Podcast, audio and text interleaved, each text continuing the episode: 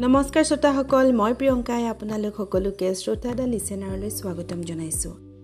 আপোনালোকে শুনি আছে ৰজনীকান্ত বৰদলৈ দেৱৰ দ্বাৰা ৰচিত মনুমতী। এয়া মনুমতীৰ দ্বিতীয় খণ্ড দশম অধ্যায় মানৰ উদ্যোগ। এইবিলাক ঘটনা ঘটাৰ পিছত অৰ্থাৎ মানহঁতে মইনবৰী পাবৰ চতুৰ্থ দিনা মিংগিমাহা সেনাপতিয়ে হাদিৰাৰ যুদ্ধৰ নিমিত্তে সকলোবিলাক মানক লগ কৰিবলৈ চাৰিওফালে কটকী পঠালে। প্ৰায় দুশ মান লগতে দি টেংগুলাক ব্ৰহ্মপুত্ৰ পাৰ হৈ দক্ষিণ পাৰৰ পূব চমৰীয়াৰ পৰা শ্যাম আৰু বগলী ফুকনৰ সৈতে মানজাক আনিবলৈ পঠালে। প্ৰায় এশ মানৰ সৈতে দুজন বৰফুকনক হাদিৰাৰ ফালে চন্দ্ৰকান্ত ৰজাৰ বল বুজিবলৈ পঠালে। এজন বৰফুকনৰ সৈতে পঞ্চাছজন মানক হলকান্ত বৰুৱাক আনিবলৈ পঠালে।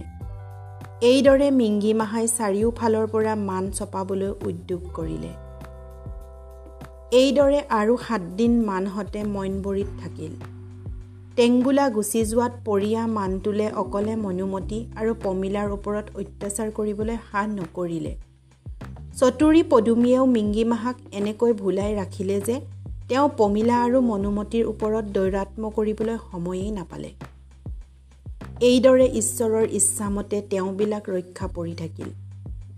পদুমীয়ে প্ৰায় সদায় পৰিয়া মানটোৰ সহায় লৈ নিশা নিশা পমিলা আৰু মনুমতীক ফল মূল দি থাকিল। এই সাতদিনৰ ভিতৰতে হাদিৰাৰ মানজাক চন্দ্ৰকান্ত ৰজাৰ সকলোবিলাক বল জানি ওলটিল আঠদিনৰ দিনা সিফালৰ পৰা টেংগুলাই দক্ষিণ পাৰৰ মানজাকক লৈ আহি পালে।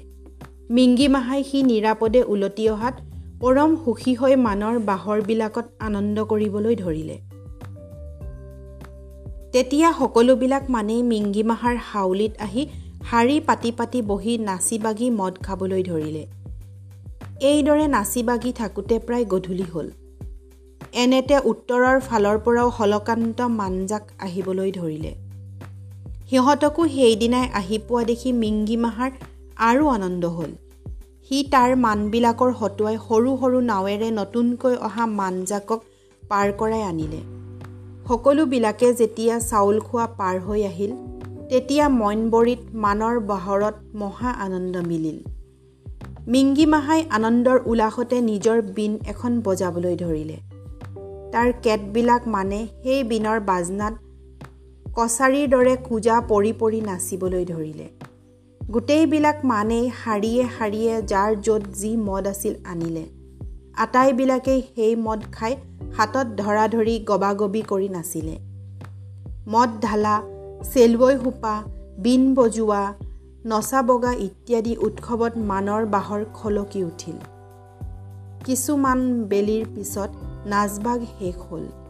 নতুনকৈ অহা মান দুজাক আগৰ মানহঁতৰ লগতে ঘৰে ঘৰে সোমাল। নতুনকৈ ধৰি অনা বন্দীবিলাকক গাঁৱৰ ভিতৰতে এটা উদঙীয়া ঘৰত একেলগে সুমুৱাই বন্দী কৰি থলে। এইবিলাক ঘটনা হৈ যোৱাৰ পাছত হলকান্ত বৰুৱা আহি মিংগিমাহাৰ আগত ওলাল। মিংগিমাহাই তেওঁক দেখি ক'লে সখী ভালে আছা? হলকান্তই ক'লে আছোঁ সখী এতিয়া মই থাকোঁ ক'ত? মোকনো থাকিবলৈ দিয়া ক'ত?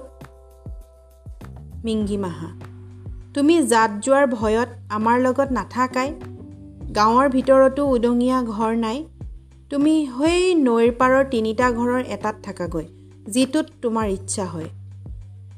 এই বুলি মিংগিমাহাই তেওঁৰ লগত অনা মান এটা দিলে। তেওঁ সেই মানটোলৈ পোনেই নৈলৈ গ'ল তাতে গাটো তিয়াই লগত লৈ অনা অলপ ফল মূল খালে। তাৰ পাছত বন্দীঘৰৰ কেইটাৰ ওচৰলৈ আহিল।